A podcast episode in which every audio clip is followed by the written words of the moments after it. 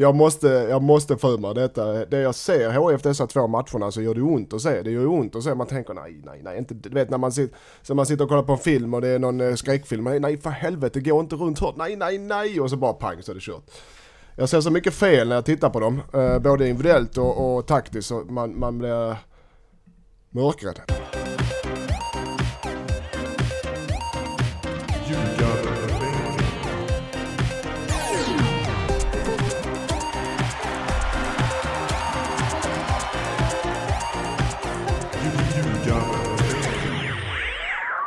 Ljugarbänken avsnitt 170 är det här och ehm, det är midsommar.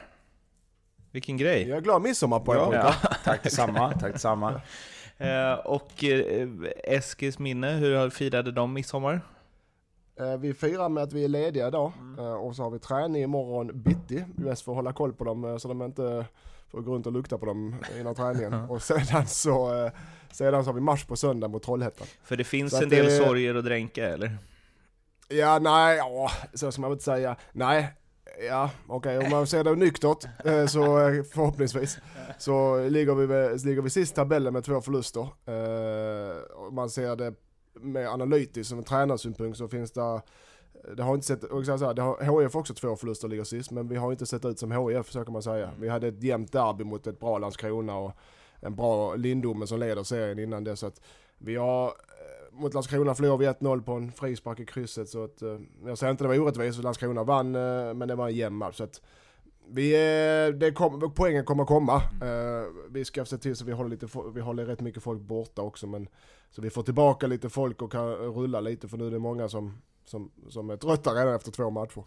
Så att eh, poängen kommer komma. Vi, vi maler på för att vi, vi hittar eh, vårt spel. Eh, det ser inte för jäkligt ut, så jag kan säga det. Ja, okay. Coach Lindström är lugn.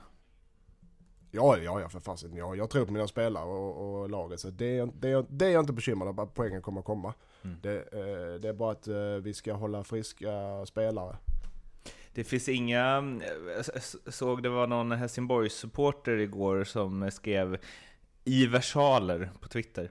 Helt jävla värdelösa, för helvete. Åtta jävla månader försäsong och detta är allt. Vad har ni gjort under den extremt långa försäsongen? Druckit varm choklad och lyssnat på Granens historier om Ryssland. Fucking cunts.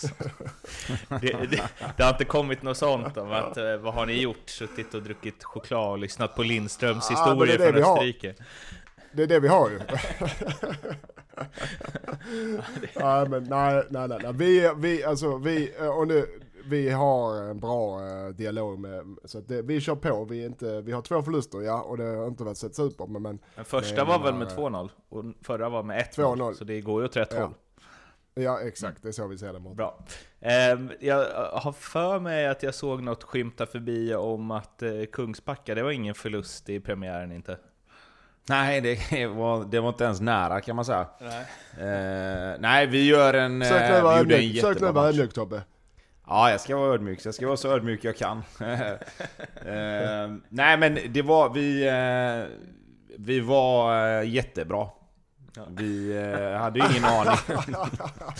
vad fan, vi vann ju, vi vann ju med 7-0. Det är klart vi var bra. Alltså... Edman, Edman bleknar i jämförelsen här. Jo, ah, okej, nej men okej, ja, men det var en jämn match. Eh, Nej, jag skojar, nej, exakt. Kör på, Eh, kör ja, på. Nej, men vi kör. Ehm, som sagt, vi, första halvlek, alltså... Vi, vi, vi, var, vi var bra. Vi, eh, det går inte att säga något annat. Vi ledde med Nej, jag 5-0 skojar. 5-0 i paus. Eh, och, och vi gjorde mål egentligen på de chanserna vi hade. De eh, bua som vi mötte skapade egentligen inga målchanser i första halvlek. Våran forward som vi eh, hämtade in, Alexander Janebrink, gjorde hattrick i första halvlek. Så att det var... Jag ska inte säga att det var en perfekt halvlek, för det fanns saker som vi kunde gjort bättre, men... Eh, nej, så att alltså... Sen två mål till i andra halvlek. I andra halvlek vi blev lite så här som det alltid blir när du, när du leder stort i paus och man går ut och säger att nu kör vi vidare och vi försöker, så blir det allt... Det blir ju aldrig riktigt så. Gjorde du mål? Ja, jag gjorde ett mål. Var det snyggt? Nej, det var sånt målskyttsmål. Det var en, eh, en av deras spelare som sparkade i luften och då stod jag bakom och bara nöp till direkt. Så att, det, var, eh, det var ett sånt mål som man är nöjd med. Att man var på rätt ställe. Ja, Men... eh, Det är lite ja, nej, så att... skilda världar här i panelens fotbollsupplevelser senaste tiden. Men fan, d- Linus, du blir inte sugen på att låna in Tobbe någon match? Ja, han är välkommen, eh, men det funkar väl inte riktigt så med transferfönster man bara kan Äsch! låna. Ja. Så att, eh, men han är välkommen och provträna om han vill nästa Ni vecka. kan väl göra en sån där, var det inte, det ryktades väl om att Sebastian Castro Tejo spelade någon match i division 7, han hade väl rånarluva på sig? För mig. Så det var ingen som visste vem det var. Ja, ansiktsmask kan man ha nu för tiden. Eh, ja, men på temat ehm, eh, stora ledningar i halvtid då, så går vi till den första allsvenska matchen vi ska prata om. AIKs hemmapremiär mot Norrköping eh, gick kanske inte riktigt som Rickard Norling och kompani hade räknat med. De ställde ett ännu yngre lag på mm, banan, Tom Strannegård, också 18 bast. Tillsammans med Paulus Abraham och Robin Tie och Bilal Hussein som ju spelade eh, premiären med. Eh, och det var väl lite pojklag över hela AIKs eh, första halvlek. Norrköping ledde med 4-0 efter 32 minuter. Och jag måste säga att jag på rak arm inte kan komma på att ett allsvenskt topplag på hemmaplan släpper in fyra mål i första halvlek. Nej, alltså... Det, men- men... Ja, allsvenskt topplag, det vet vi ju inte än. Nej. Eh, Men, så här, men, men det är klart ett, att... hemma, ett AIK som varit ganska hemmastarkt de senaste säsongerna. Ja, nej, nej. Att AIK släpper in fyra mål i en halvlek är ju anmärkningsvärt bara det. Eh, men alltså, nej, oh, skämt åsido. Eh, det var ju klasskillnad på de här två lagen i första halvlek. Eh, det var inte... Det var inte nödvändigtvis så att... Att det var... Liksom, det som var katastrofen var ju att Norrköping gjorde ju mål på det de, på det de hade egentligen. Det var inte jättemycket mer målchanser. De var bättre över hela banan, det är inget snack om. Men de var effektiva också. Och det blir ju så att skapar du fyra chanser på, på, en, på en halvlek eh, och så gör du fyra mål, då, då ser det ju också mycket värre ut än vad det kanske egentligen är. Sen, sen ska inte jag säga att det var orättvist på något sätt. Eh, för att Norrköping var som sagt mycket, mycket bättre. De hade mer fart, de hade en helt annan eh, rytm i sitt spel. De, det såg ut som att liksom, Norrköping visste precis vad de skulle göra och de visste precis vad AIK skulle göra. Och på andra sidan så var det lite tvärtom. AIK visste inte riktigt, det kändes inte riktigt som de hade koll på vad de skulle göra. Och framförallt så hade de nog inte riktigt koll på exakt hur bra Norrköping gjorde det de gjorde. För att det, bara, det var liksom bara... Det, det, ja men det var, det, var, det var för stor klasskillnad för att det ska vara två lag som någonstans ändå ska hamna i, i samma region i tabellen. Eh, så att jag vet inte riktigt vad man ska skylla på. Om man ska skylla på att Ja, det var ett jag- ungt lag eller om man ska skylla på att det var inte riktigt, matchplanen inte riktigt var rätt. Det, så som AIK spelar med sitt, det nya AIK där de ska vara aggressiva och pressa högt. Och de spelar ju lite som HIF också. De, de, spelar, de spelar lite man-man på vissa delar av banan, framförallt på mittfältet. De följer mycket spelare långt ner i banan och du vet, alltså när du, inte, när du har spelare, möter spelare som är bättre och du kör man-man och du, du, du, du spritter upp för mycket. Har du då bra fotbollslag, möter ett bra fotbollslag, ja då blir det enorma hål. Som det blev här på omställningar och det blev i uppspel, även i uppspelsfasen som det blev när Norrköping hade bollen. Och med Norrköping spelare som är så duktiga. Nu lyckas de allt Norrköping också. Alla, de hade eh, fasta situationer, de körde varianter, de hade en inspark där de lockade iväg spelare och satte en lång och det lyckades. Så de, de klarar ju allt på samma gång, Norrköping. Men AIKs sätt att spela man, lite man-man eh, aggressivt försvarsspel. Gick, alltså det var, det, det, jag har svårt att säga att det ska komma att lyckas för dem mot, mot de bra lagen, ska sägas. Eh, så som de spelar mot eh, Norrköping. Om, om det är så de ska spela mot de bra lagen. Då, då kommer de inte klara. Det kan ju bli åka av mot Bayern i derbyt om de spelar så här, kan man ju säga. Om de spelar så ja. Ja. Ja det blir det, det kan jag säga det. Men eh, jag vet inte. Och sen har du som tränare nu, om du ska kolla på träna, ta på tränarhatten. Ska han fortsätta, Norling, ska de fortsätta jobba med den nya AIK som de implementerat hela försäsongen? Eller ska de helt plötsligt gå tillbaka bara för att de förlorar en match till och vi går tillbaka till det trygga, vi möter Hammarby? Tror jag inte de gör. Mm. Men eh, en grej som eh, jag funderar på från den här matchen som, det är sällan man ser en spelare i en halvtidsintervju ta upp eh, eller förklara exakt vad man har gjort och hur de har pratat om vilken taktik de ska ha. Men Simon Tern sa ju det att så här, ja, Totte Nyman är otroligt stark liksom, i duellspelet och i eh, att så här, dra isär försvar och så, och de har en ung mittback som vi satte honom på, och han klarar inte av att hantera Totte liksom. Och Robin Tii hade ju att göra, och det märkliga med det var ju att han var ändå en av, AI, eller liksom, en av AIKs bästa, konkurrensen var ju inte superstor. Men han kanske var AIKs bästa spelare, men han var ändå den, den liksom, det som Nor Nor Norrköping och Jens Gustafsson hade pointat ut som det de, den de skulle liksom, ja, vad ska man säga, nyttja för att dra upp hål i AIK. Eh, och, och i det så blir det lite så här, för det var ju så tydligt liksom och Fjällström visade flera gånger liksom i sändningen så här hur, eh, hur Norrköping använde Nyman mot Tihi för att skapa chanserna. Och då blir jag, alltså på den nivån, och Rickard Norling som liksom är en dubbel guldtränare, tror ni att han, alltså blir han helt chockad av en sån grej? För att Norrköping läser sönder AIK så mycket taktiskt, det känns som att det inte är jättevanligt att det händer mellan två förmodade allsvenska topplag. Eller Nej, men alltså... det? Nej men jag, jag tror så här också att det som, det som Norrköping valde att göra då med, med Tihi där, det är ju att de, de utnyttjar ju att han, han gör en jättebra första match, han får självförtroende. Eh, sätter man då Nyman på honom och ser till att se till att Tihi hamnar i situationer hela tiden. För att det de gör smart, det är ju att de sätter press på honom och ser, löser han detta? Nu var han bra sist, löser han en match till kommer han vara lika bra. Han gjorde mycket bra saker om i 10, men det som händer är att han hamnar i situationer hela tiden där han måste välja om man ska följa Nyman eller om man ska släppa över till nästa. Och har du då ett man-man-spel och du vet att okej, det här är min gubbe. Då blir det automatiskt att som ung spelare också, så vill du göra det som tränaren har sagt. Och då kanske du följer med Nyman någon gång lite för långt i sidled, lite för långt bakåt. Vilket gör att det öppnas hål runt omkring. Och har du då två spelare bredvid honom, eller en, som inte tar det djupet och ger honom det understödet som behövs. Så blir det ju hål överallt som Norrköping utnyttjade. Och det är ju så, det är ju så man utnyttjar ett man-man-spel. Du drar ju isär positionerna så att det var ju folk överallt. Och så använder du det på egen hand för att fylla de liksom, ytorna och hålen som uppstår. Så det som AIK måste göra det är ju att de måste ju fortfarande ha ett visst element av att okej, men om den här spelaren dras iväg, vem tar, vem tar det hålet? För att det är inte bara att börja spela man-man om du har spelat zon i hur länge som helst. Alltså det, det, det där ryggmärgsbeslutet att nu måste jag fylla in här, det måste ju komma.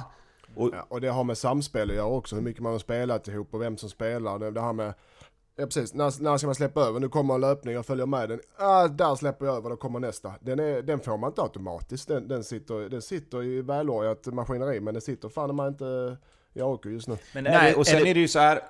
Ja, men, förlåt, bara en grej. Sen är det ju så här med att i ett man-man-spel så ska du ju egentligen inte släppa över, utan då ska du ju men följa jag din spelar gubbe. inte ordagrant man man. Nej, det. men jag förstår. Men, alltså, men samtidigt då så blir det ju så här att det räcker ju att en spelare tar ett beslut lite för sent.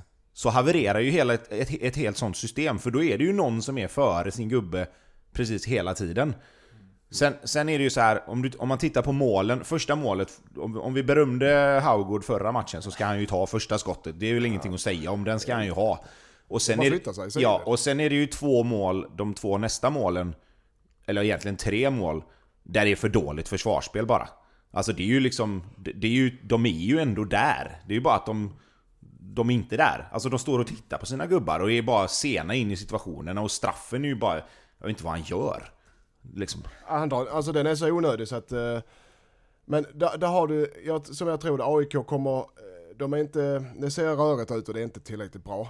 Men det här med att Norrköping gör fyra mål på en halvlek, det kommer inte se ut så i AIKs matcher, inte ens i derbyt nu för att det var mycket som gick fel på samma gång för AIK i den matchen det var mycket som stämde för Norrköping. Det var liksom eh, klaff klaff så att säga. Mm. Och ska man, säga någonting, ska man säga någonting om man ska försöka vända på det till något positivt så är det ju bra att de får den här matchen så här tidigt. Så att man ser bristerna direkt och kan skruva lite, för där är ju Norling skicklig. Han är ju taktiskt duktig liksom, så där kommer han ju kunna skruva lite på vissa saker och säkert få det att se mycket, mycket bättre ut redan till nästa match. Ja, vi får se hur Norling skruvar till det där. Nu ska Mattias Lindström få... Eh, ja, det är lite skruvigt i Helsingborg också, så vi ska väl försöka reda ut det. Det var, en, eh, det var minsann en, ingen bra övergång, men jag köper det. Efter en hemmapremiär med 0-3 mot nykomlingen Varberg så tänkte man ju att det kan bara bli bättre. Eh, Helsingborg åkte till Fredriksskans och eh, Ja, nu är det du som har pillat ihop det här körschemat Tobbe, men vann Kalmar skotten med, eller avsluten med 17-1? Jag såg en statistik, och nu går jag bara på den sidan jag tittar på, men jag såg på en eh, statistik ifrån en sån målservice-sida eh, mm. att det var 10-0 i skott på mål och 17-1 i avslut. Ja, så att jag, jag, får lita, jag får lita på det jag, jag såg där bara. Ja, det var 17-1 i avslut. Och 4-0 mm. i mål. Eh, och 11-3 i hörnor. Ja. Eh, och Per Hansson hade det ju kämpigt som expert, kan man ju säga. Det var, jag, han sköt, ja, stackars Per. Jag tror inte han, han tyckte per... att det var jättekul att kommentera den matchen. Nej, men han, han skötte det bra. Det är, lätt, det är lätt att man låter känslorna ta över där. Eh, men han är ändå, vi pratade några månader sedan han satt med dem i omklädningsrummet. Men han skötte det bra, han behöll lugnet och försökte, och försökte vara analytisk där. Men Lindström, vi behöver ju liksom inte formulera eh, frågan annorlunda eh, än vad är det som händer i Helsingborg? Alltså, så här, och när, man jag sitter, bara så, när jag sitter och uttalar mig själv när vi har två förluster och, och, och, och, och ligger sist. Men jag måste, jag måste få mig detta. Det jag ser HF dessa två matcherna så gör det ont att se. Det gör ont att se. Man tänker nej, nej, nej. Inte, du vet när man, sitter, så man sitter och kollar på en film och det är någon eh, skräckfilm. Nej, nej för helvete, gå inte runt hörnet. Nej, nej, nej. Och så bara pang så är det kört. Jag ser så mycket fel när jag tittar på dem. Eh, både individuellt och, och taktiskt. Så man, man blir mörkrädd. Eh, det är också lite inslag av man, eh, manmarkering i vissa delar av planen. Så du, du följer med löpningar och så öppnas det enorma hål och så är motståndarna springer sönder HF och hittar de hålen. Du vet det blir för lätt, det blir för lätt att komma till avslut och, och, eh, och komma till läge för motståndarna. Även om HF spelar upp sig lite, har en del bra spelare så, så det blir för lätt att skapa chanser när, när, du, har, när, du, när, du, försöker, när du spelar sådan försvarsspel. Tycker jag, tycker jag ska sägas. Och det är lätt att säga mot ett lag som förlorar och sparkar på de som ligger. Men det ser för jävligt ut. Det ser fan mig för jävligt ut när de spelar alltså. Och hur kan de gö det... göra det? alltså för truppmässigt är den ju ja, lika bra, eller åtminstone, ja, eller vi tycker att de är bättre än Kalmar på förhand. Alltså inför att säsongen började. Hur kan det, hur kan det se så dåligt ut spelmässigt? Det är, nu saknades Lindegard igår också så har Joel Kalle som en, en spännande målvakt men han har varit skadad hela i fem, fyra, fem månader minst. Jag kommer inte ihåg exakt. I knät så han går rakt in där. Den är inte rek och så har du Granen som vet, har ont i ljumsken, varit förkyld. Ja, han är väl inte, Granen behöver ju vara i form om han ska spela. Uh, och så har du en, en eh, Rasmus Jönsson som ser oinspirerad, lite oinspirerad ut. Uh, Martin Olsson som inte spelat fotboll på ett och ett halvt år. Det fanns en del också rakt inför start också. Och fick en halvlek sen så gick det inte mer, eller gick, han var, klarade inte av det. Så att det är ett, det är ett Ja, det är ett, en Gigovic som, som har tankarna på annat håll, det syns. Så det, ja, det är inget dåligt lag på pappret, men det är ett sargat lag på alla sätt och vis. När man kollar på listorna så och spelarna, spelare för spelare, så är det ett otroligt sargat lag. Uh, så att uh, den, uh, och sen har du Figueroa som jag bara tycker är för dålig för att spela. det är en helt annan grej. Men det ska inte jag lägga mig i laguttagning och sådana men, så att, men, men vad gör man då? Alltså för så här, så här kan det inte hålla på. Nu har de Elfsborg hemma va nästa. Och sen Häcken ja, borta. Det är inte helt omöjligt hur det har sett ut Nej. i inledningen att det blir två torsk till. Alltså, Nej men nu, nu har du mix och kom in och gjorde en, en bra debut. Det syns att det är en bra fotbollsspelare som kommer in med energi. Du behöver, få, eh, du behöver eh, spelarens energi lösa ut av förståeliga skäl för du blir överkörd match efter match. För du har, det ser ju likadant mot Varberg som det är mot Kalmar ju. om inte ens värre. Så att det, du, du, har ju, du behöver in energi i laget, du behöver energi på planen. Mix kan komma in med den och, och röra om lite. Förhoppningsvis får du Granen frisk eh, och kan ställa ett lite bättre lag eh, rent vad ska jag säga, rent eh, tekniskt, fotbollstekniskt, funktionell teknik på planen. Det kan hjälpa lite för att få upp självförtroendet. Eh, men eh, jag, om jag ska vara helt ärlig så, om jag vore eh, eh, Olof så försöka hitta, det låter konstigt, det låter tror jag, men försöka hitta någon sorts glädje och energi. Du måste ha energi i laget på något sätt i matcherna. Energi, energi, energi, energi. För när Gran gick ut så, man hör ju allt på tv, när Gran gick ut så var det knäpptyst och man märker att de tycker inte det är kul att vara där ute. Det är Mark som springer och gömmer sig och eh, taktiken funkar inte, spelet funkar inte. Kalmar bara mata, mata, mata, mata, mata. Du, vet, du behöver få energi i laget på något sätt.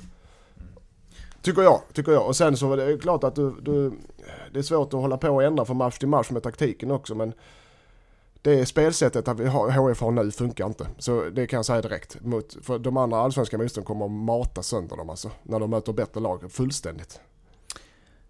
Eh, du är ju en utomstående men det känns ändå inte jättemycket utomstående. Så jag frågar eh, Tobbe, eh, ord från en utomstående kring Helsingborgs inledning?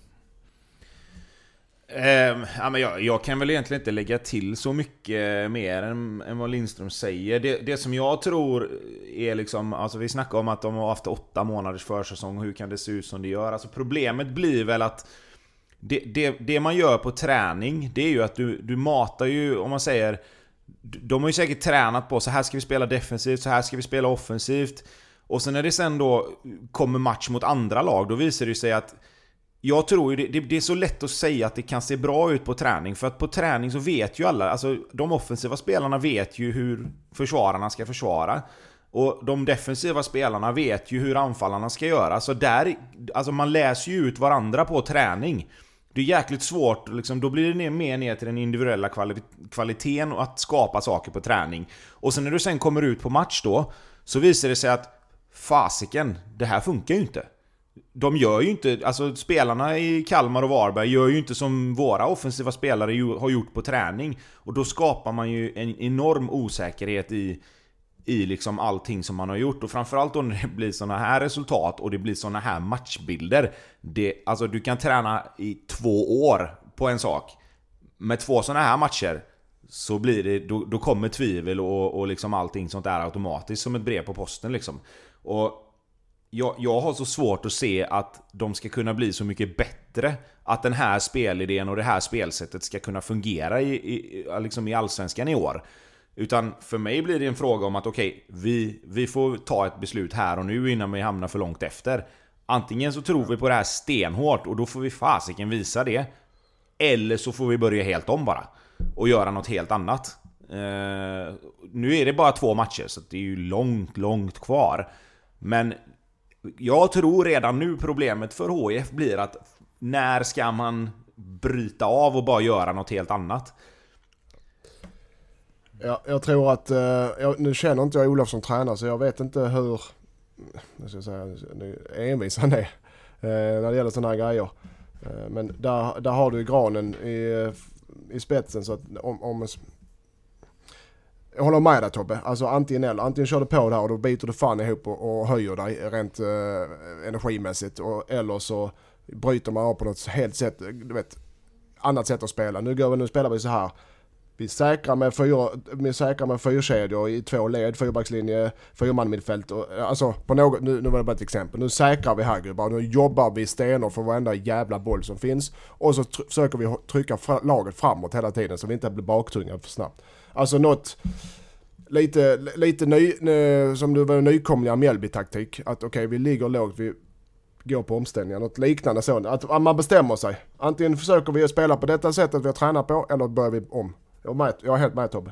Och den brukar komma någon gång vid, eh, efter tio omgångar, men den kan nog komma efter tre, fyra omgångar nu.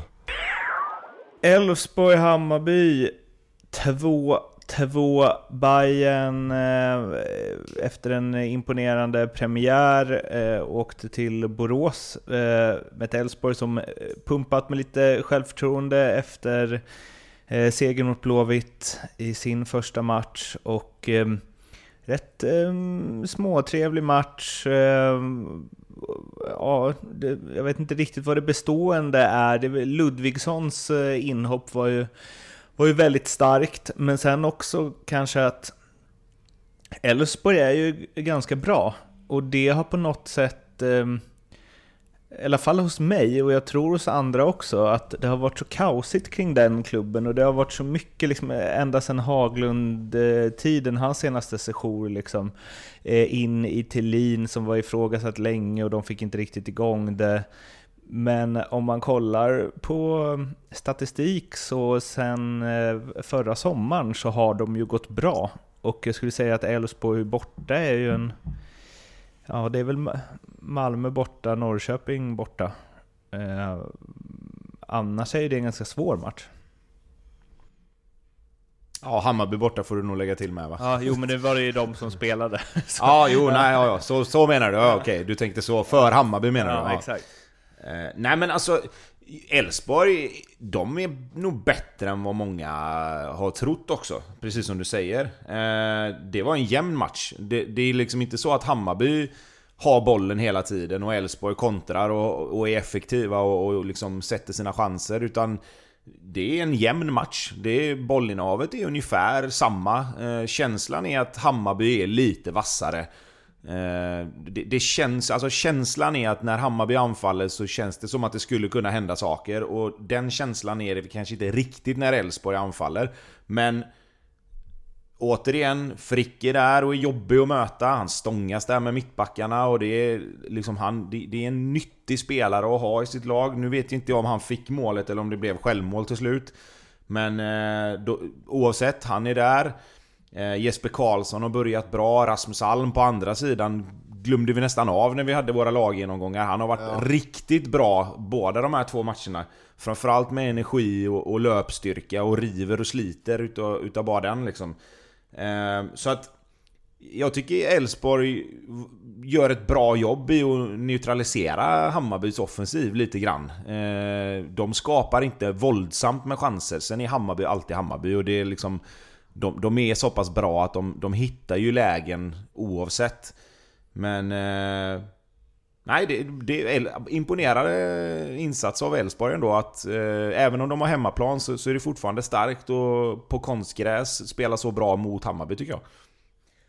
Men man kan väl säga ja, att... Jag, tycker, jag håller med. Jag tycker, jag...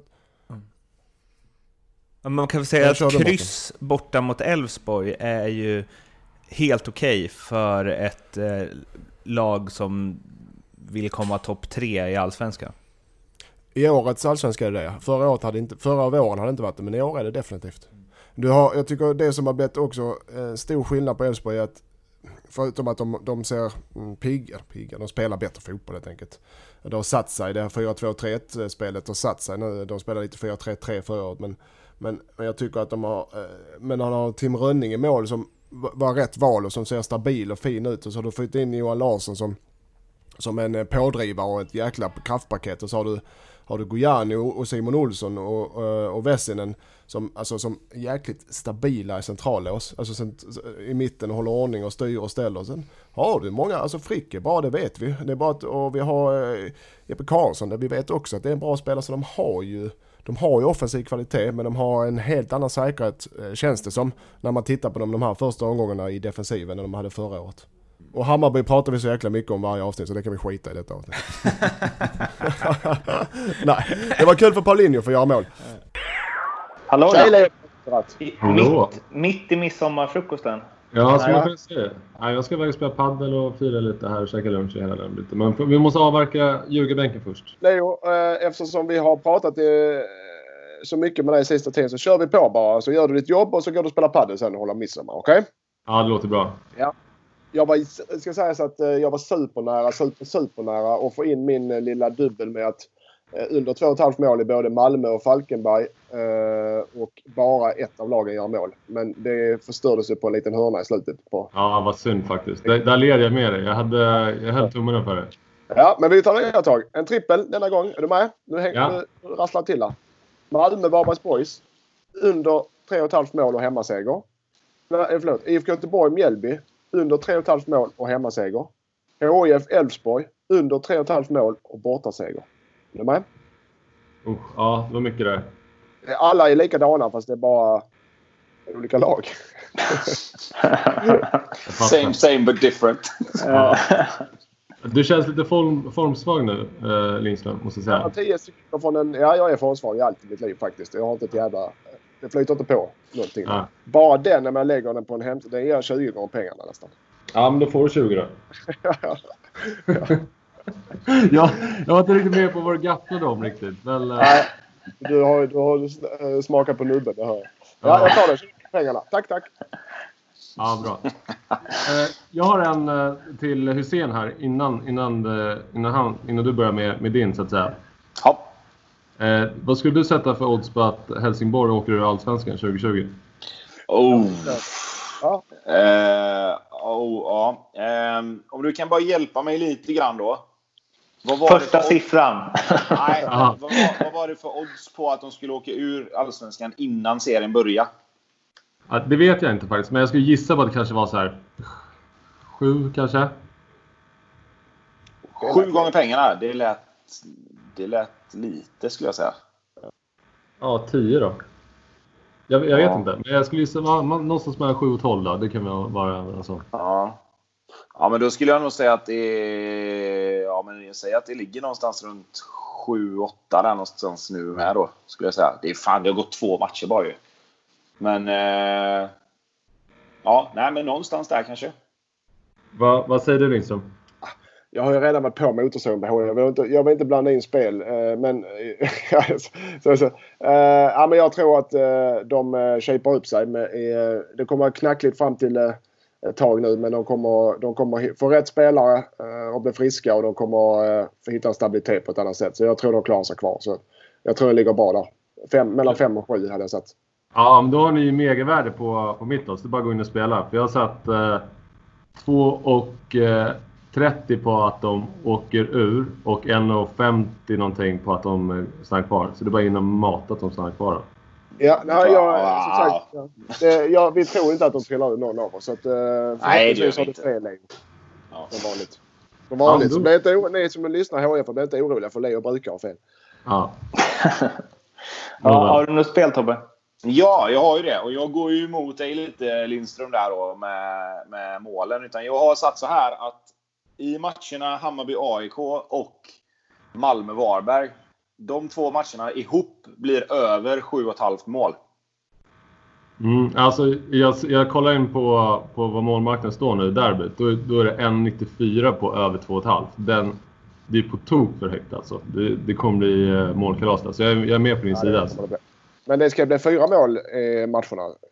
Ja, i Ja. ja, exakt. Ja, Men, det ska eh, vara fyra mål i snitt i de två matcherna. Jag tror Ja, det det är bägge jättemycket matcher vi pratar Leo. Det är ett jätteodds. så vi ska- Du ska upp här alltså. Ja, ja det Jag satt, jag satt först 4,50 tänkte jag fan, det missar mig. Jag drar upp den till 5 så Hysén lite glad. Men Vad ger över fyra mål i, i en match då? I en sån match? Ja, det ger väl kanske 3 någonting, 3,50. Nej, det måste ge mer. Nej, Men- nej. Men om, om vi säger så här. Om, om, du tar över, om du tar över 3,5 mål i Malmö. Vad, vad blir det? Eh, ja, bara där kanske 2,60 kanske. Ja, och sen över 3,5 mål i Hammarby AIK. Ja, men rikt, riktigt så kan man inte göra. Eh, Nej, fast det är så du får göra nu eftersom det är midsommar. ja, jag tyckte det var schysst när jag sa 5, men ja, får ja, men sex. det, nej. Ja, sex. Ja. ja, men det tar jag. Ja, det kör vi bra. Då har vi det. Spännande. Gå Ja, och men- plocka din krans nu. Ja, det ska jag göra. Hoppa lite häck och sådär. Ha det så kul då. Glad midsommar. Då. Ja, Hej. ja det Hej. bra. Tack. Hej, hej. Kom ihåg att spela ansvarsfullt och att du måste vara minst 18 år för att spela. Behöver du hjälp eller stöd finns stödlinjen.se.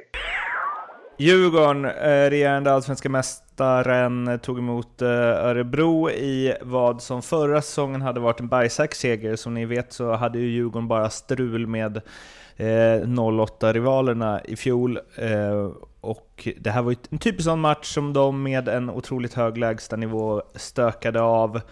Och nu går de på pumpen direkt. 2-1 torsk efter sent avgörande från Örebro. Vaj och lite tveksamma ingripanden. Eh, och visst, de spelade väl, det var väl lite mästartakter där 10 minuter i andra halvlek, men annars så funkar ju inte spelet, precis som det var mot Sirius i premiären. Där fick de ju ändå med sig tre poäng.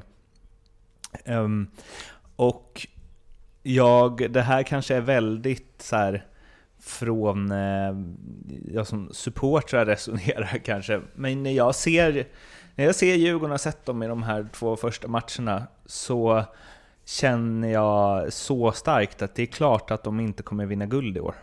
För att så här upp, alltså även om det är tidigt, även om det bara gått två matcher och så vidare, sättet som de spelar på, bristen på liksom självklarhet i det, och typ vaj och strul och så. Alltså, så här ser det inte, det så här ser det inte ut i guldlag. Och det är inte så Nej, att det det bara hackar. kommer funka nästa... Nej, det hackar ordentligt och allt som gick i lås, nu hade Bro, men eh, de förtjänar det, är inget snack om. Åker man upp och vinner där, så i slut, framförallt i slutet av matcherna när man ska gå på knäna så är det inget att diskutera. Men allt det som funkade och klaffade förra året för Djurgården, det vill säga det, nästan det mesta. Vaiho går in och är bäst, eh, på, är bästa andra keepern i allsvenskans historia. Du har, eh, du har alla sp- spelarna klaffa in och du har mål på övertid från mittbackar hit och dit. Nu, och du har eh, Totte och, och Kim som gör exakt rätt beslut hela tiden. Och det är väldigt imponerande bara det. När det klaffar. Nu började, som igår, eller förrgår kanske, så började du vet du har Vaiho som, ja han ska ta det, det är ingen snack om saken. Du har, de gör kanske fel byten, de tar ut eh, Barkarot och Kojovic precis när de börjar få lite tryck så gör de ett dubbelbyte där som är lite svårt och de går ut efter och säger att det var fel. Du har mål på övertid eller i slutet av motståndaren istället för att själva göra det. Så det är på, på en lite rörig situation. Så det är mycket sådana grejer som klaffar förra året och har gått emot dem i år. De grejerna behöver man med sig om man ska vara absolut i toppen i Och det är inte det att jag menar att man inte kan göra en dålig match och ändå vinna guld, men det jag menar är att det, så som det sett ut för Djurgården två första matcherna, det är inte så att det bara kommer funka borta mot Norrköping helt plötsligt, och matchen efter det och matchen efter det, att de här två matcherna bara varit liksom två felsteg. Eller det, känslan är inte det, det ser inte ut som det. Utan det ser ut som att de inte riktigt får igång det och är det Djurgården som de var i fjol. Men det kanske är för stora växlar. Ja, alltså jag, jag tycker väl så här att det, det är klart att det är två matcher där de inte riktigt har fått det att stämma till 100%. Eh, det tycker jag mer i så fall man kan, man kan hänvisa till att inte det har spelats några matcher riktigt. Eh, det, som, det som jag ser som det största problemet, det är att de har helt annan Eh, alltså Emir Kujovic och Buya Turay är två helt skilda spelare. Kujovic gjorde ett jättefint mål, det är ett kan, en kanonnick som han... Eh, målet som Djurgården gör. Men så som Djurgården spelade förra året så kunde man ju avlasta och flytta upp hela laget med att man slog en lite längre boll på Buya Turay och sen flyttar man upp 30-40 meter och så kunde man sätta sin press där och ta tillbaks den. Eh, Karlström och eh, Ulvestad låg i mitten och käkade upp allting där och så kunde du fortsätta anfalla och så fick du mer tryck och där, det får inte riktigt Djurgården tycker inte jag. Alltså de, de, var, de var lite bättre rent spelmässigt i den här matchen tycker jag än mot Sirius. Och dessutom möter de, tycker jag då, ett lite bättre lag. Som har lite mer individuell kvalitet. Men... Jag... Inget ont om Kujovic. Jag tycker han är bra, han gör det han ska, han är inne i boxen, han suger ner lite bollar. Men ska Djurgården kunna spela på samma sätt som de gjorde förra året så måste de ha en spelare allra längst upp som kan erbjuda lite av det som Buya Turay gjorde. Annars måste de ändra. Och ska de ändra lite och spela lite annorlunda, då kommer det ta några matcher innan det sätter sig helt och hållet. För att det blir annorlunda om du har en djupledsgående forward som springer på allt kontra om du har Emir Kujovic som är mer en target. Så jag tror mer det handlar om det. Jag tror fortfarande Djurgården kan få det att stämma ganska bra. Jag tror inte heller de vinner. Men det här hänvisar jag mer till att spetsen längst upp är inte riktigt på samma sätt. Och då blir det lite annat. I uppspelsfasen blir det lite annat och i omställningarna blir det lite annat. Så det kommer bli bättre tror jag. Ja, du får, inte- exakt, du får inte samma eh, som uh, Turay när han sliter sönder backlinjerna med sina löpningar. Du har inte den, du har inte den dimensionen i ditt spel på samma sätt. Utan de, de, de löpningarna får komma från mittfältarna istället. Och då blir det inte, det blir inte samma tyngd framåt såklart. Nej, och spelarna är inte riktigt på samma ställe på planen då heller. Och det, det, är det, som, det pusslet måste ju sättas ihop på något sätt. Och det kan du inte göra när du inte spelar matcher. För återigen då, när du tränar mot... Liksom när du tränar mot dina egna lagkompisar så vet ju alla vad som ska hända. Du vet ju själv när man tränar och du ska träna offensiva löpningar. Att vi ska spela på bortre forward och sen så ska vi spela i djupled. Det vet ju backarna om. När du tränar. Ja, Ja, du-. Man, kan ju, man kan ju sätta upp så här, ja men grabbar idag ska ni här, ni elva ska agera som eh, Örebro och ni ska agera som eh, Djurgården. Och, det är, så, det, och det, är, det är så man får göra och det är skitsvårt att motivera de som ska agera som Örebro. att Okej, okej, okej, okej, stopp, stopp, stopp, ni spelar 4-4-2 grabbar, ni spelar inte som oss. Nej. Det är skitsvårt är det. Nej, så är det. Så att jag, tror, jag tror mer det handlar om Jag tror mer det handlar om att det tar några matcher innan hela den här grejen med att ha en target istället för en djupledsgående forward Innan det sätter sig helt hundra och de vet att okej de här avlastningspassarna kan vi inte slå 40 meter i djupled längre utan då måste vi träffa Kujovic Och sen därifrån, vem ska ge honom understöd? Så att jag, jag är ganska säker på att det kommer se bättre ut Men sen tror inte jag heller att Djurgården vinner Men eh, en eh, sista grej till eh, ja, två tidigare spelare då, som är nyfiken på vad ni känner kring. Men Thomas Lagerlöf förklarade ju bytet av Bärkrot i 60 minuten till att eh, hans baksida börjar alltid krångla efter 70 minuter. Vilket ju Bärkrot inte blev så glad när han fick höra. Eh, utan när han fick höra att Lagerlöf hade sagt så, så sa han ju att det inte... Ja, det var inget kul att han säger en sån grej, eller om han sa att det var onödigt eller så. Och fan, det är ju... Eller jag reagerade på det, att så här, va? Så, så har jag aldrig sett någon säga om en spelare förut. Att den spelaren är blir alltid skadad efter 70 minuter, så därför byter vi ut honom.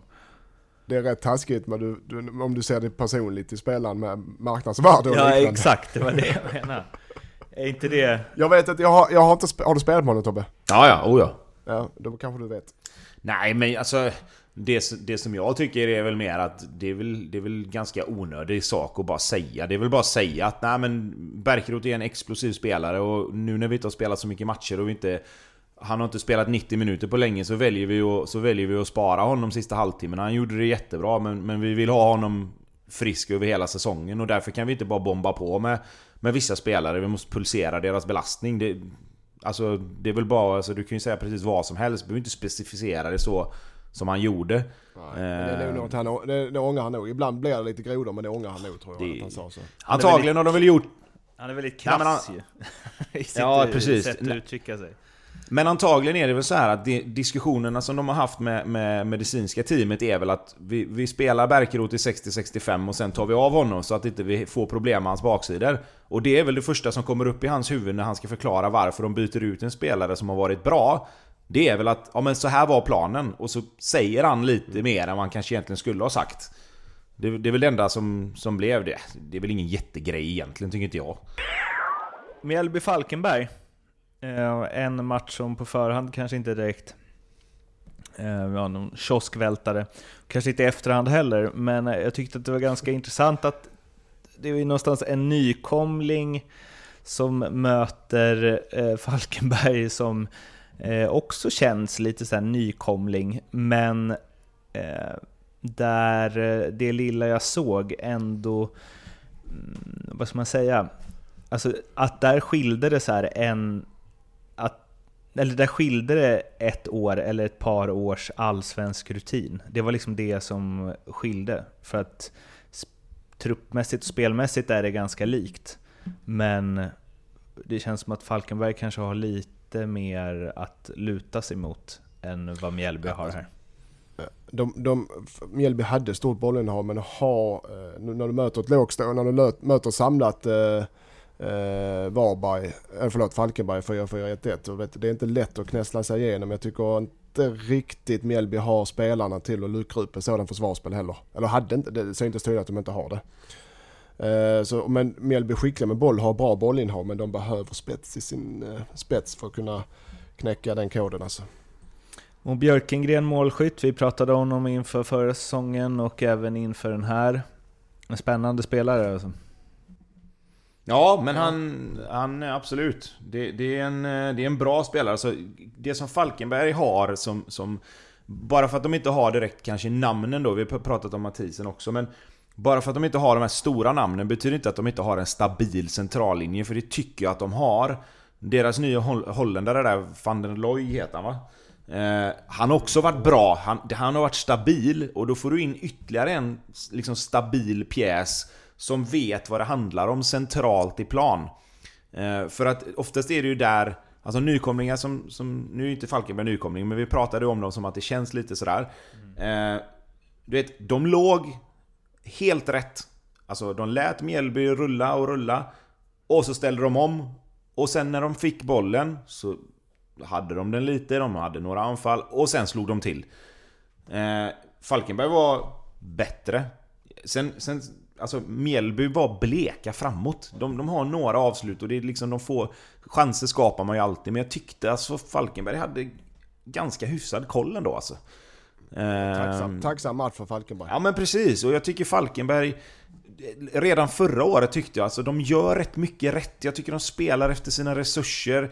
De gör det som de vet att de är bra på och de tar poäng. De samlar sina poäng. De lägger poängen i väskan och så åker de hem och så tar de nästa match och så tar de nästa match. Och det är så man måste göra tycker jag. Och det, det är... Jag menar, vilket lag som helst, de tappar liksom kanske den spelaren då framåt som skulle vara deras stora spelare i år. Kisito, korsbandsskadad. Det är ingen kul förberedelse eh, inför den här matchen liksom. Men de åker ut och de gör det de ska och till 100% följer sin matchplan känns det som. Eh, och nu har de fått den starten som de behöver. Fyra pinnar på två matcher och de får lite lugn och ro direkt och kan, och kan slappna av och ner med axlarna lite. Så att, nej, en eloge till. Falkenberg tycker jag. Och Mjällby tvärtom. Ja, Som precis. nykomlingar, noll poäng efter två omgångar. Om vi fortsätter med nykomlingstemat då, så tog ju Varberg eh, efter en imponerande 3-0-seger i premiären borta mot Helsingborg, eller imponerande, vi får väl se hur imponerande den var när den här serien eh, sammanfattas. Men eh, började bra mot eh, Blåvitt också, tog ledningen, men eh, de både kvitterade och vände och vann genom sent avgörande av Eh, Paka som är tillbaka i gammalt gott slag, såg det ut som. Nej men om vi ska ta det i kronologisk ordning så, så Varberg börjar ju matchen och, och liksom sätter sin höga press och Blåvitt fick jätteproblem med den. Eh, dels för att Varberg kommer med mycket folk i sin press och dels för att de bara sprang rätt över Blåvitts spelare eh, första 20-25. Eh, de spelade tufft på gränsen till fult och i vissa fall jävligt fult. Eh, Aliev kommer in riktigt sent på Dagrasa och där är det ju nästan mer rött än gult skulle jag säga. Hade den kommit senare i matchen så tror jag att, att han skulle blivit utvisad nästan. Eh, men sen är det så här att Varberg valde att spela så och Blåvitt fokuserade lite för mycket på att Varberg faktiskt spelade så. Eh, för det är domarens uppgift att se till att matchen flyter på. Han löste väl det inte riktigt. Han skulle nog försökt stämt i bäcken lite tidigare där. Men när det blir så, då får man lösa det. Och det var som Tobias Sana sa i paus att de blev lite överrumplade, det smäller och det är så det måste få vara. Eh, så när Blåvitt, när, när Varberg förlåt, gör 1-0 så ser det inte jättebra ut för Blåvitt. Men sen är det precis som att när de får byta ut sina två mittbackar, Kalisirs skada var ju mer otur än något annat. Eh, då får de lite Lite lugn och ro. Alltså Varbergs press avtar lite, de orkar inte riktigt sätta den pressen. Blåvitt får lite tid att spela upp. Eh, och där någonstans vänder ju matchen lite grann. Blåvitt gör en kvart i slutet på första halvlek som ändå är bättre än vad första 25 var. Eh, det, Sana får tag i bollen lite, han sticker in lite inspel, Paka har rätt avslut. Ehm, jag vet inte vem, det, det, det händer lite, det börjar hända lite grejer. Eh, och där tror jag Blåvitt spelare får lite självförtroende, de ser att okej, men vi kan skapa lite. Och sen får de ju det här målet precis innan paus som naturligtvis är superviktigt för självförtroendet och, och få spräcka nollan framförallt och få, få göra mål och vi är tillbaka i matchen lite och vi kan gå in i paus och snacka ihop oss. Eh, sen i andra halvlek är ju Blåvitt bättre. Varberg skapar fortfarande chanser. Framförallt tack vare Gustav Norlin skulle jag säga som Riktigt bra match. Löper enormt snabb, rivig spelare. Han var nära flera gånger i andra halvlek och, och, och komma sådär precis med huvudet på någon i slutet. Där har, du, Ehm, där har du Jocke Persson i ett nötskal. En bra spelare i division 1 i Skövde förra året och så plockar Jocke honom rakt upp i Allsvenskan så gör han det bra där. Imponerande. Ja men han har spetsen i sin snabbhet och, och utnyttjar den helt rätt också. Eh, ställde till med massa problem för Blåvitt. Eh, och på tal om problem då, givetvis gör ju... Alltså Blåvitt får ju en lättare match för att Selmani också saknas. Det måste vi ändå lägga till. Eh, Nej, hörde jag någonting om. Ja, jag vet inte. Det var något sånt tror jag. Eh, Men det är klart att det hade spelat roll. Det spelar ju jätteroll. Så där får ju Blåvitt vara tacksamma. Men det, det som är sen är att Blåvitt är, är bättre i andra halvlek. Varberg mattas, de orkar inte sätta pressen, de blir väldigt låga. Blåvitt skapar några riktigt bra chanser. Det är jämnt chansmässigt skulle jag säga, men till slut då så får ju Blåvitt utdelning och Paka smäller den här bollen rätt upp i nättaket. Eh, sen är ju, eh, vad heter det, Tranberg en decimeter ifrån att kvittera sista hörnan. Eh, och, och det är liksom... Där är det mer tur än skicklighet att Blåvitt klarar sig undan. Men allt som allt, inte orättvist. Eh, kryss hade inte varit orättvist heller, men jätte, jättebra och får jag vara lite partisk, jättekul att, att Blåvitt kan studsa tillbaka och vinna den här matchen. Du får vara vad du vill i denna... Ja, det är bra. Ja, men det är bra. Det är bra. Ja, det var, men det var, ja, det var en tuff match. Jag hade lite kontakt med en spelare i Varberg innan matchen och de var inställda på att det skulle bli en helt annan match mot HF, alltså med, med intensitet och, och närkamperna och så, så de hade den implanterad i huvudet eh, flera dagar innan matchen så att det, det blev, och det, det är nära att de går över gränsen flera gånger men de är, det är kul att se att de är så aggressiva i sitt spel. Sen ska det vara rött kort, sen ska det vara rött kort. Men eh, att Varberg verkligen pumpar, pumpar, pumpar. Och det, för Göteborgs del så tror jag det, den segern de tar framför Paka själv såklart, men även för laget så är den eh, på det sättet de vinner. Att de hackig match med, med, med, med sön, söndriga, eh, skadade spelare och att de vänder och vinner i slutet. Den är moraliskt eh, enormt eh, viktig. Var det dig han ringde eller Tobbe? Vadå? När han gjorde mål? Jaha, precis. Ja, nej. nej, det tror jag inte. Det var alltså, en riktigt bra kommentar efteråt att han bara Nej det är nog bäst att jag inte säger det för det kommer bara bli rubriker Man bara "Men, så, så kan du inte säga Du kan ju inte säga att om du hade sagt något så hade det liksom tagit fart och därför struntar du i att säga det Det svider i journalisthjärtat Exakt så man ska säga. Vi bryr oss inte ett skit, eh, men Mårten tycker det är jobbigt. Ja, ja, ja. Ehm, en grej om Blåvitt också när vi ändå är inne på det. August Erlingmark, tre matchers avstängning för incidenten i premiären mot Elfsborg. Kommentar? Ja, jag, jag, tror- jag tror vi tycker olika. Jag tycker den är, är jävligt onödig, men den är lite hård att ta tre matcher på den tycker jag. Ja, nej alltså jag... Vi, vi diskuterade det lite grann innan här. Alltså... Det som är med direkt röda kort, om det inte är en eh, målchans, om man säger utvisning då. Det är ju att du gör ju någonting jävligt dumt. Om du ska få ett direkt rött kort. Antingen kommer du med en idiotisk tackling, eller så säger du något, eller så gör du någonting som, som är jävligt korkat. Eh, jag, jag tycker att tre matcher kan vara rätt. Men och här säger jag emot mig själv lite. Det måste bli skillnad då på att komma med sträckt ben in i smalbens höjd direkt rött. Då kan inte det vara tre matcher också. Då måste det vara Nej, mer. nej, nej. Alltså, för att, för att det är skillnad på att halvtrampa på någon kontra att försöka skada någon.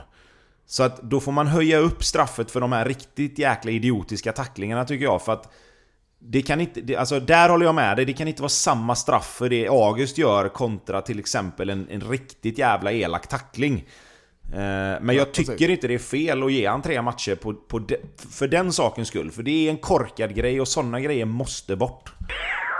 Häcken eh, kvitterade mot Malmö i 92 minuten och eh, jag vet inte om jag har rätt eller fel här, men en känsla i det sa i alla fall att fan, gjorde, hade inte Malmö lite sånt i fjol med? Att de åkte på sena kvitteringsmål och liksom slarvade bort tre poängare. Att det var lite så... Jag har bara eh, minne av det, att det var många besvikna MFF-supportrar på Twitter över sena poängtapp och liksom det har, matcher man borde vinna. eh, Antagligen har de haft det som inte vann guld. Ja, bra. Eh, nej men nu är de där igen liksom. Ehm, och Ja, men, mm. Ja, Grejen med det är att äh, Häcken, är inte, man är inte vana att se dem så, men de sjönk ju lågt och Malmö äh, malde, malde, malde. Sen bjuder Falsetas, det är sånt som händer ibland lite då och då. Efter det så spelar han upp sig såklart. Det är tufft att börja med bjudning och, och, och tack och hej 1-0. Äh, men sedan maler Malmö, men de, de, de kommer, inte, kommer inte till de riktiga farliga chanser. De, de gör det bra. Alltså det ser stabilt och bra ut och bra anfallsspel så men du, du, du så, och Häcken gör det jäkligt bra i försvarsspel ska sägas också. Och Malmö pressar högt så fort de tappar bollen, pang, pang, pang med återövning. Så det, ser inte så to det ser inte så tokigt ut, varken för Malmö om jag ska vara helt ärlig. Men sen så, eh, det känns lite utlöst. Lite uddlös, jag ska inte säga för mycket, men lite uddlös känns det när de väl, eh, när de har det bollinnehavet och har den, den farten de, de har i stundtals. Eh, och, men ska sägas att Häcken gör det eh, ABC i, i försvarsspelet som man eh, är väldigt imponerande att se också. Det man inte, sen, eh, sen tycker Häcken blir i andra halvlek lyfter sig när de, när de vågar spela och klarar att spela över Malmös höga press. Då är, det, då är Häcken så pass duktiga så då kommer de och, och, och jag vet inte orättvist att det blir ett lika sett till chanserna. Men är det så här med Malmö att eh, de är inte så bra som de borde vara. De var det inte under hela fjolåret. Och de är, de, det som man har sett hittills är väl, alltså, jag vet inte fan, jag tänker de har så många alltså, bra spelare. måste- De kan verkligen... ty- det, Där har du en sned bild av. Jag måste säga, här har man lite sned bild av fotboll. Du har alltså, du säger i Allsvenskan har du Malmö, Hammarby och Djurgården, de här lagen som ska vinna. Eller hur? Mm. Men alltså, det funkar inte i fotboll. Häcken är bra fotbollslag, ett bra allsvenskt lag. Du har Barcelona, Real Madrid och de här lagen som, ja, för fan låt dem, Liverpool, de vinner varenda match med 4-0. Men, men alltså, i en jämn serie som allsvenskan är år efter år, du har, du, alltså, åka upp och spela ett lika mot Häcken, det är inte dåligt. Det är det man förstår. Malmö har ett bra lag, ja, vi har, de har flest miljoner, de har bäst spelare, men det, alltså, det är inte så att de ska åka och spela ut Häcken på bortaplan och vinna med 4-0. Så funkar det inte i fotboll, definitivt inte i en serie som allsvenskan. Inte ens att att möta, åka till Örebro eller åka till Mjällby. Det, funkar, det är för jämn serie för det. Det är för lika spelare. Så att jag, jag tycker det är slarvigt att de inte vinner när de leder i slutet. Men, men åka upp där och spela ett lika. Nu, nu låter det som att jag är uh, an, eller pro Malmö, så är inte fallet. Men det, det är inget dåligt resultat, det tycker jag inte. Skev bild av fotboll. Glad midsommar på dig också. Ja, ja men Tobbe, eh, backa mig för fan. Nej men jag, jag, jag ska säga så här också att det, det är klart att Malmö har ju blivit hypade på grund av mycket av... De har, de har jättemånga bra spelare och de har en jättebred trupp. Men om du tittar på vilka som spelar i går till exempel och vilka som kommer in så är det ju så här att de har... På, på plan igår så har de ju Anders Christiansen, Bachirou, Johan Dahlin och kanske Erik Larsson. Det, det är de fyra som man kan säga kanske är, är, är toppskiktet på sina positioner. Riks brukar ju spela till vänster. Igår står det här att han var till höger. Jag vet inte, han kanske var vänster. Eh, men jag menar, du, om du tittar på backlinjen så har du Knudsen, Lasse Nilsson, Ahmed Hodzic. Det är bra spelare. Men vi sätter ju inte dem i toppskiktet i Allsvenskan ännu. Alltså Ahmed Hodzic kan säkert hamna där. Men, men det är liksom... Vi saknar ju liksom Toivonen, Traustason kom in visserligen, men du har ju liksom inte... Alltså Malmö kan inte ställa ut vilket lag som helst på plan och vara bäst i Allsvenskan. Det är ju som du säger Lindström, så funkar det ju liksom inte. Deras absolut bästa elva är ju kanske bäst i Allsvenskan ihop med Hammarby då. Men, men jag menar, de har ju inte sin bästa elva på plan tycker inte jag. Och, och helt plötsligt liksom fattas det två, tre, fyra spelare. Så jävla bra är de ju inte att de bara ska springa över alla lag. Det gjorde de ju inte förra året, det kommer de inte göra i år heller. Så att jag tror att man ska ha höga krav på Malmö, men man kan inte ha för höga krav på dem heller. Eh, sen är det klart att de, de räknar nog själva med att de går in i varje match och tänker att den här matchen ska vi vinna. För den kvaliteten och den bredden har de ju. Men jag menar, du har ju ändå liksom... Du har ju ändå spelare i den där elvan igår som inte liksom... Det, det är liksom man kan inte kräva för mycket heller. Mm. För jag, alltså, dels är det ju så här... då kan jag lite känna så här, men ställ upp med ett bättre lag då, om ni inte tror att ni vill, eller så här, om man inte kan förvänta sig att ni ska vinna med för de har ju den, den har ju den bredden, alltså så här, Ja, Traustason, då har du- Safari, eh, Rakip, alltså, och sen Men då har du ju tränare som är, som är med på den dagliga, Mm. dagliga träningen så att säga, som har koll på hur man eftersom det, han är tränare huvudsvarig, har koll på hur man sätter ihop laget på bästa sätt och vilka som är bäst på träningar eftersom det inte har varit några matcher. Och då, Så där får man ju lita på tränaren. men då vill jag säga så här, uppenbarligen inte. Eftersom de inte är bättre. Och det är det jag ty- alltså, så tyckte jag om Malmö i fjol också. Alltså, med tanke Malmö på vilka pengar de har, vilka spelare de värvat in. Och visst, alla kanske så här, men någonstans är ju, alltså spelare som de har tagit in är ju spelare som har varit liksom eh, Men alltså, stjärnor i de klubbar de har hämtat dem ifrån. Alternativt alltså- så är det spelare som är januari-turné bra från Sverige, Danmark eller Norge. Alltså, Men det har, lyssna. Jag har det har spelats, det har varit premiär, det är inte premiär i mars som vi är vana vid, men det har varit premiär, vi har spelat två matcher. Malmö kommer leda allsvenskan efter fyra matcher. Kanske dela med några, men de, det är inte så att de har fått en dålig start i allsvenskan. men De, det är leder, de samma kommer som leda i allsvenskan, de fjol. kommer vinna allsvenskan. Nej. Ja men de kommer leda allsvenskan efter tre, fyra omgångar. Alltså när serien börjar sätta sig, säg fyra, fem, sex gånger, då leder Malmö allsvenskan. Och det är det, alltså du, i en premiäromgång i allsvenskan, när du inte spelat match på åtta månader för fan, så ta dina, ta dina poäng. Alltså ta dina poäng. Det är det enda det handlar om i början och det har de gjort. Men jag Ja, och sen, men sen är det ju så här också. Jag menar, vi, vi sitter och säger att Hammarby ska vara nöjda med en krysspinne borta mot Elfsborg. Ja. Häcken är ju ett bättre lag än Elfsborg tycker jag. Ja, exakt. Och då att, att, att sitta och säga då att Hammarby som är så uppskrivna, ja men de ska vara nöjda med en poäng. Och så kommer vi till Malmö, som vi håller i samma kategori som Hammarby, men vi håller Häcken högre än vad, än vad vi håller Elfsborg. Och så sitter vi och klagar på Malmö. Det, det blir liksom resonemanget går inte gillar, riktigt ihop. klaga på Malmö men Jo men det går ju inte, men det går inte ihop är rent logiskt. Det går inte ihop rent logiskt då. Okej, men då säger jag så här då, att eh, sett över liksom de sen, den, senaste, den förra säsongen och den här, och till viss del även den innan, så det är sällan jag har blivit så här wowad av en MFF-insats på samma sätt som jag blivit det av Hammarby, av Djurgården, Norrköping. Alltså, det, det känns som det är sällan MFF får, om vi bara kopplar bort från den här matchen då, men där de så här Fan, nu får de verkligen ut max av sin f- feta trupp och sin grymma startelva. Alltså, de, skillnaden är, och det får vi se under året om Hammarby klarar av det. Eh, Men det är ju jämnheten i matcherna. Hammarby har ju den, de kan ju vinna med 7-0 hemma och mangla ett motstånd som inte Malmö har. Nej det har de inte. Men de kan också åka och förlora mot ett uh, Mjällby borta matchen efter, eller hur? Det gör ju inte Malmö. Är du med? Är du med på skillnaden? Det är som en målvakt som slänger sig och räddar bollarna i kryss. Man tänker, oj helvete gick det till? Och sen nästa hörna tappar han in. Man tänker, vilken sorts målvakt vill man ha egentligen? E- Eller Sven Andersson som inte slängde sig hela sin karriär men tog alla bollar ändå. Det var väl för att det var du som sköt. ja, men alltså det är lite, det är lite jag, jag, jag, jag har ändå varit inne och jag gillar Hammarby. Jag, så, jag vill att allsvenskan och, jag vill själv vara en tränare som Hammarby som vill alltså, på det sättet att spela. Så jag menar inte så. Men jag menar det du var inne på att Malmö har en, har, förra, eller, har, har en annan stabilitet i sitt sätt att spela.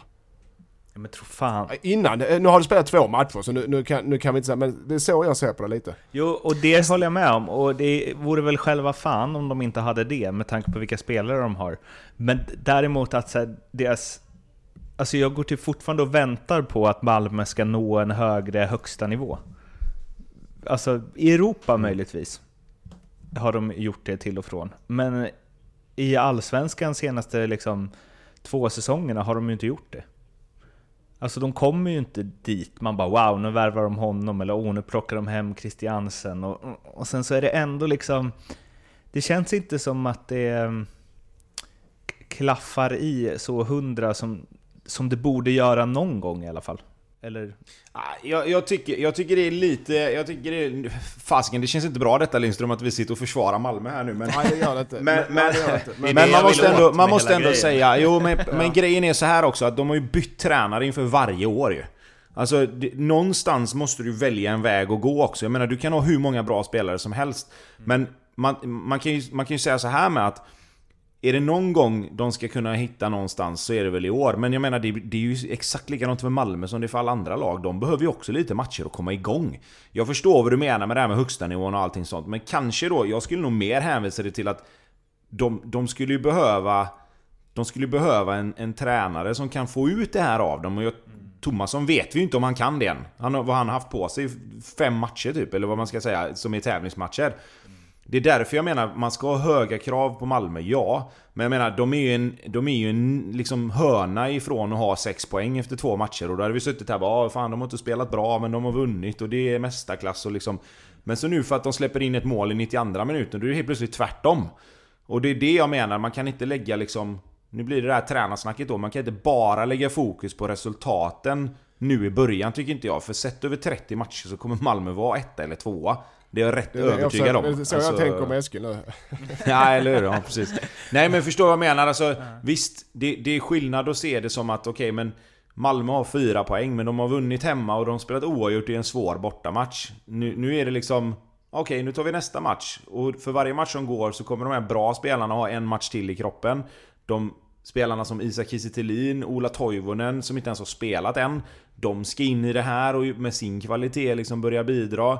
Så att jag ska inte försvara Malmö mer nu, men det, det kommer se bättre ut. Det, man måste ge det lite tid. Sen om det inte ser bättre ut, då kan man börja gnälla tycker jag. Mm.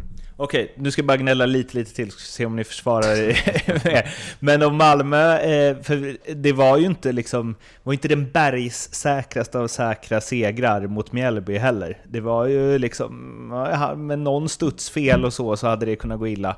Eh, och det är så, alltså dels tycker jag att det sett ut så, också tidigare, ganska mycket kring MFF. Och du säger att de byter tränare och att det kan ta ett tag. Men kan man inte säga att alltså, det kanske är fel då, då? Att de byter tränare hela tiden? För det gör att Ja, det, det är för att det aldrig Ja. riktigt sätter sig. De når aldrig de här topparna, för de börjar om hela tiden. Liksom.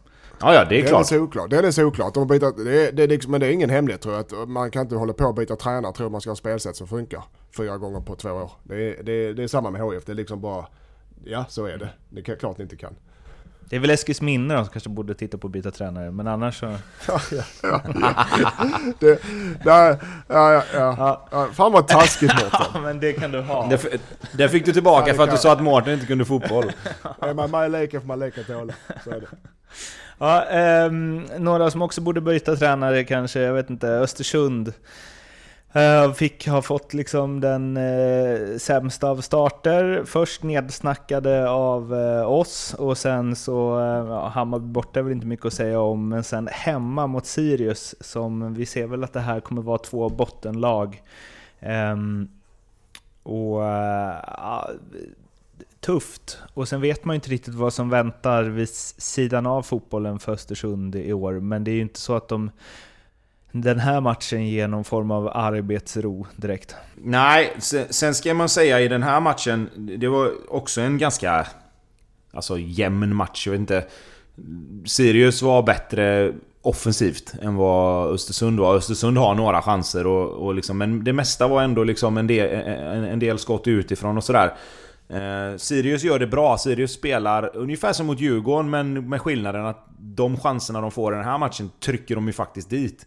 Elias Andersson har en liknande chans mot Djurgården som han skjuter två meter över. Denna gången så bara smeker han in den i bortre. Eh, och Stefano Vecchia var jättebra, inblandade mycket, ser rapp och pigg ut. Sen är det det där lilla, alltså sista lilla som han behöver få ordning på, som, som ger mål och assist. Som, som eh, måste upp för att Sirius ska liksom kunna hamna lite mer på säker mark och vinna lite fler matcher. Men absolut, de gör en bra match igen. Eh, framförallt så skapar de målchanser och som jag sa, denna gången så sätter de dit två utav dem. Eh, vilket gör att de vinner matcher. Har vi eh, underskattat Sirius? Jag tror, nej men Sirius gör det bra. De spelar eh, fin fotboll men eh, jag är lite besviken på Östersund ska sägas. Eh, men jag eh, jag säger underskattat, vi har dem runt kvalplatsen allihopa. Eh, och där tror jag de hamnar när vi summerar.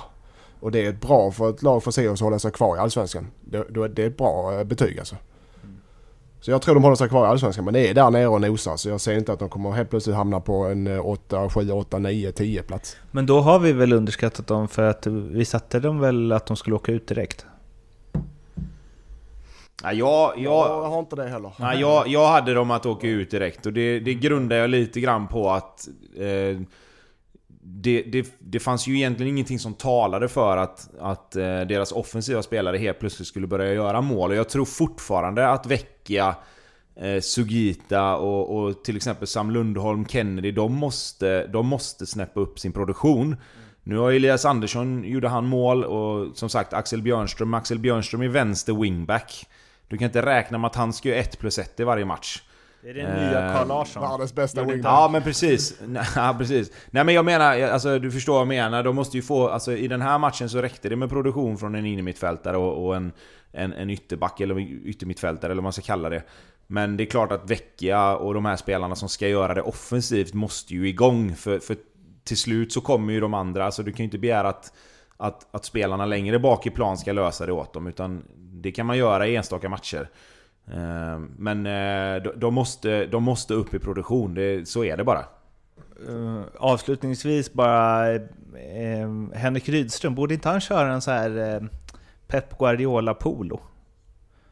Riktigt tight. I- Det, Det känns som att det hade liksom höjt hans, och spara det, ut skägg. det, det kommer i höst. Det kommer i Ja, höst.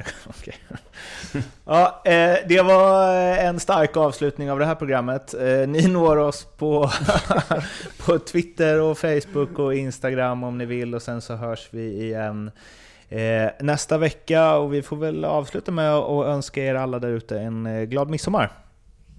Glad midsommar på er. Ja, glad midsommar. Ha det fint. Skål, hej då!